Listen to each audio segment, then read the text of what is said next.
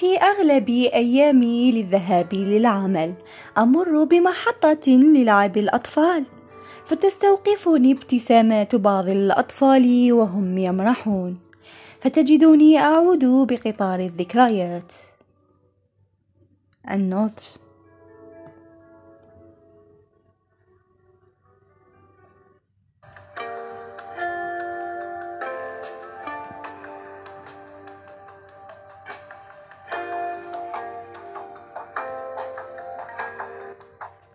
حين كنا صغار. لا أعلم حقا إذ أنا فقط أم الجميع. كان متلهفا على حياة الكبار. إذ أنها كانت تبدو مدهشة إلى حد ما. إلى أن تجد نفسك بين ليلة وضحاها منغمسا فيها. تصارع للبقاء. فتدرك حينها قول دوستويفسكي لا تكبر إنه فخ.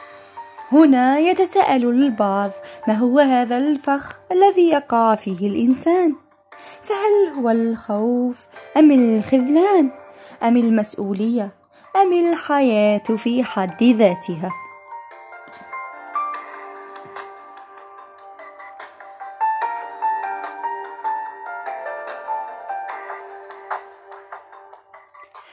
هنا يتراجع الفضول الطفولي. ليأخذ محله الجدية والتذاكي والتظاهر لإثبات الذات. هنا نفتقد جميعا الروح الطفولية المنبهرة بأي شيء مهما كان حجمه. فالطفولة والنضج فترتان لا بد لكل إنسان أن يمر بمحطتهما. لكن ما هو ثمن الانتقال بين هاتين المحطتين؟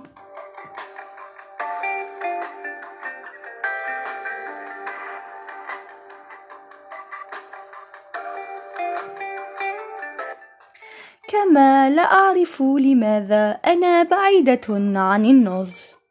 رغم أعوام الأربعة والعشرين لا أظن أني حتى قريبة من حدوده. أبدا بالرغم من التجارب التي أضنتني والأحداث التي علمتني بعيدة أنا عنه. تفصلني مساحات عظيمة من التخبط وعدم الاستقرار.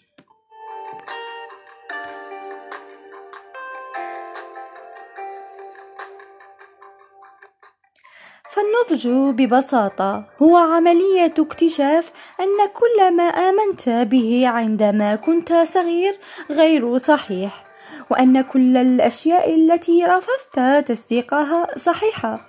فقد قال جورج برنارد شو كلما زاد نضج الإنسان كلما قل عدد من حوله من الناس فالعقل الناضج لا يحتمل المجاملات.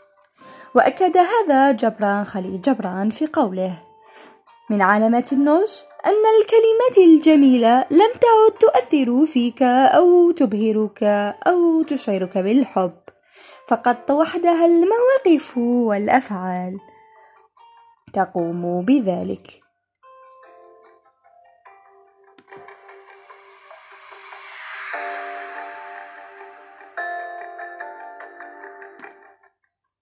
يمكننا إذا أن نستلخص أن النضج هو عودة الإنسان لذاته.